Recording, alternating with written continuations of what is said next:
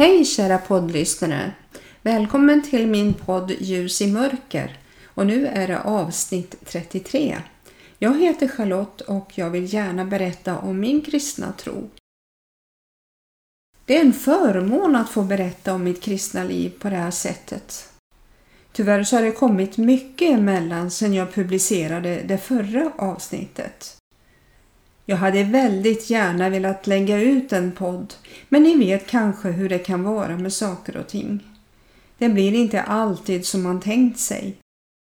För det mesta, ja faktiskt nästan varje gång, så kommer det tankar och idéer om vad jag ska berätta så fort att jag stillar ned mig framför datorn.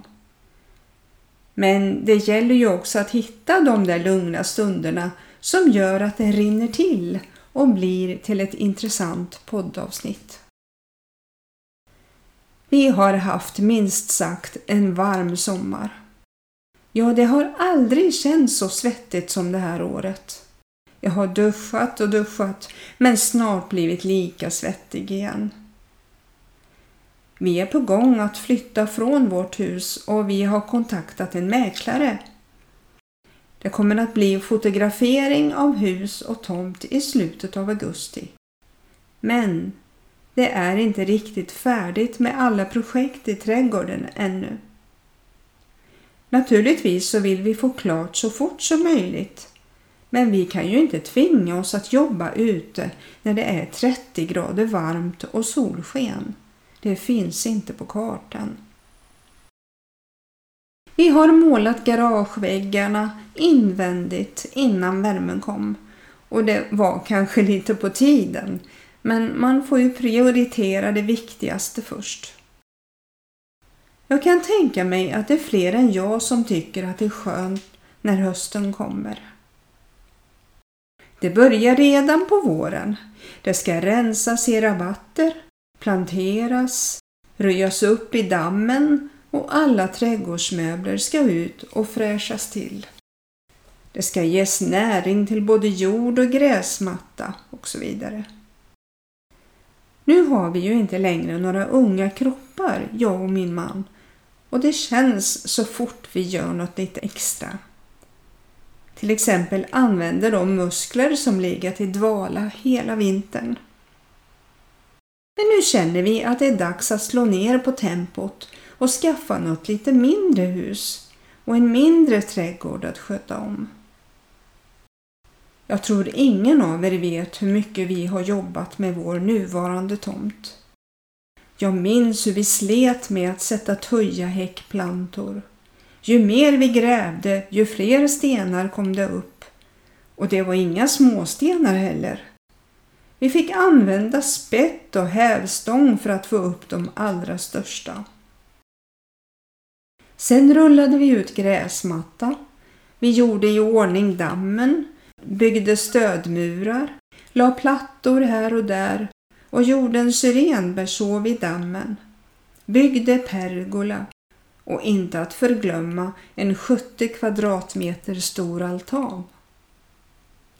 När mäklaren var här så sa han Jag har aldrig sett en så stor garageuppfart. Jo, det stämmer. Det är mycket ärtsingel som ligger på den.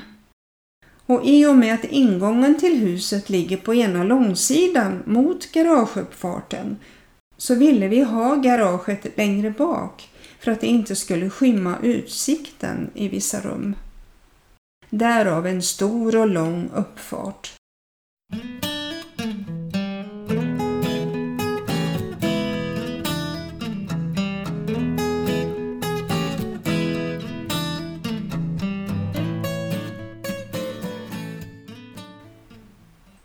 Det finns inget mer underbart än ett sommarregn när det är riktigt torrt ute.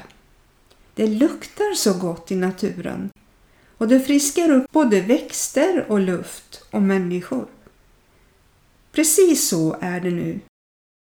Fåglarna kvittrar lite mer intensivt och det är som om allt vaknar till liv.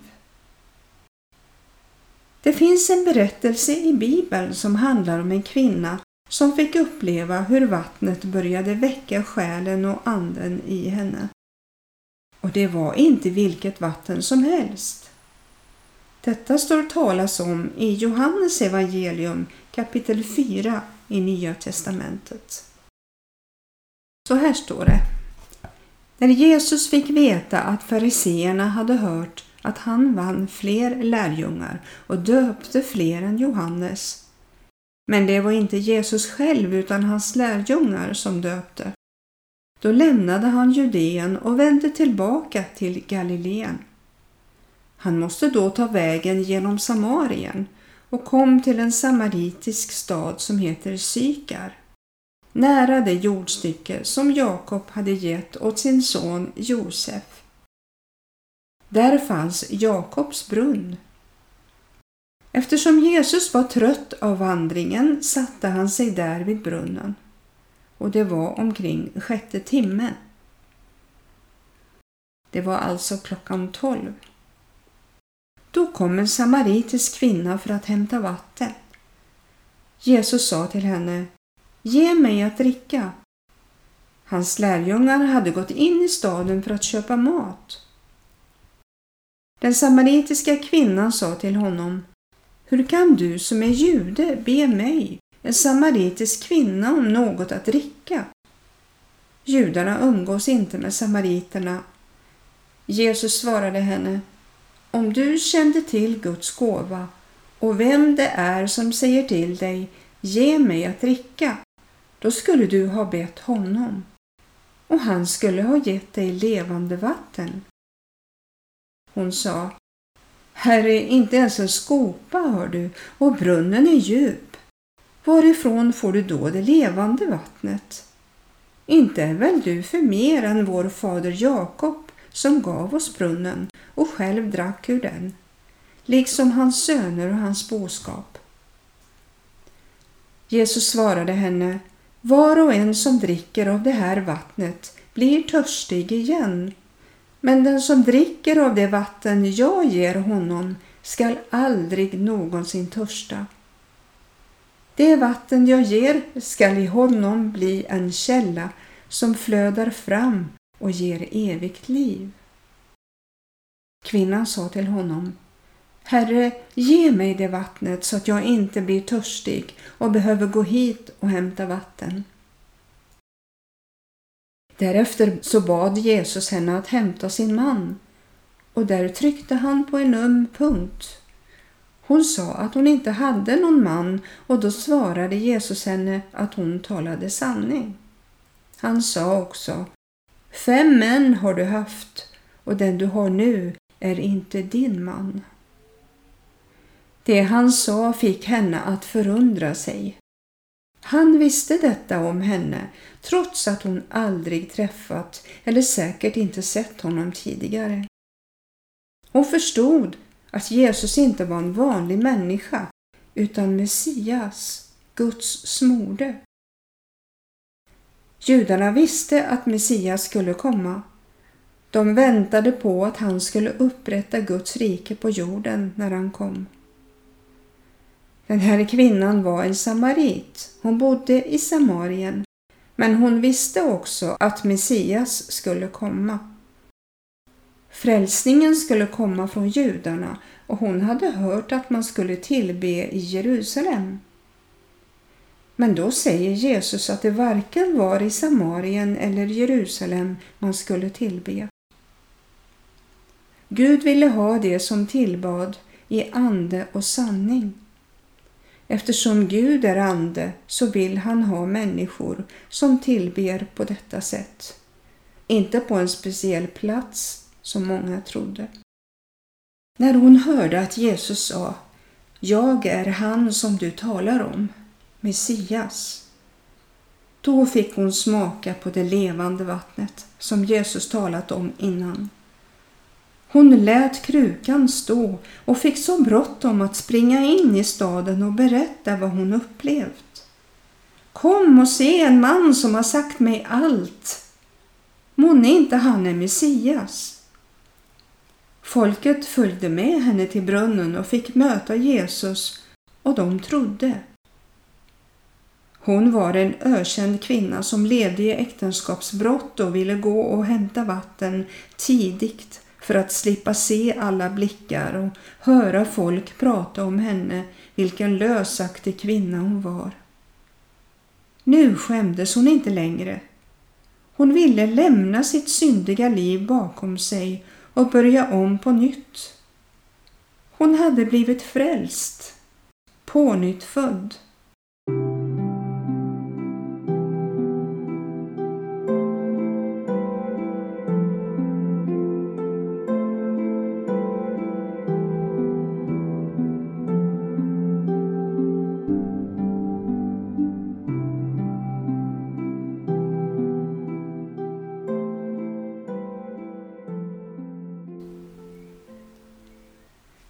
Kapitel senare så befann sig Jesus i Jerusalem när det var lövhyddohögtid.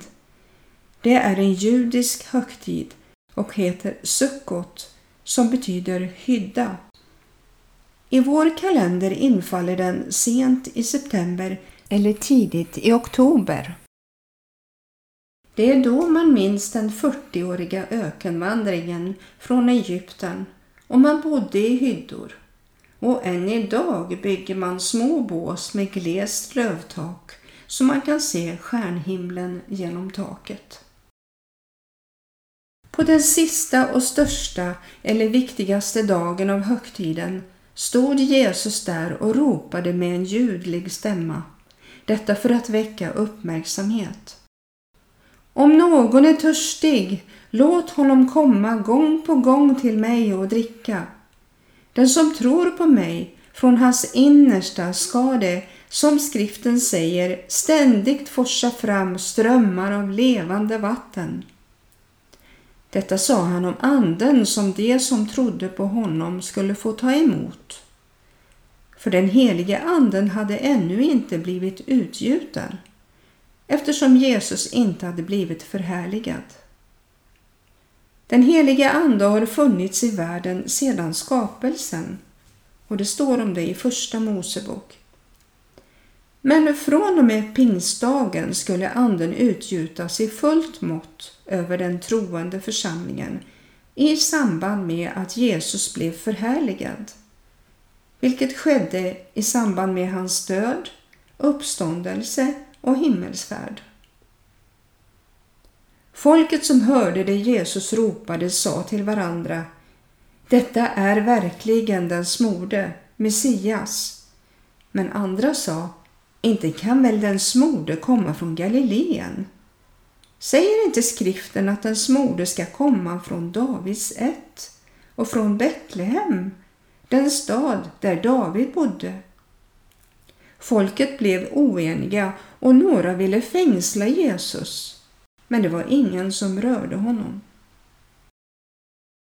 Eftersom vi har Bibeln att gå efter så vet vi att från Abraham till David finns det 14 släktled och från David till Jesus Kristus 14 släktled.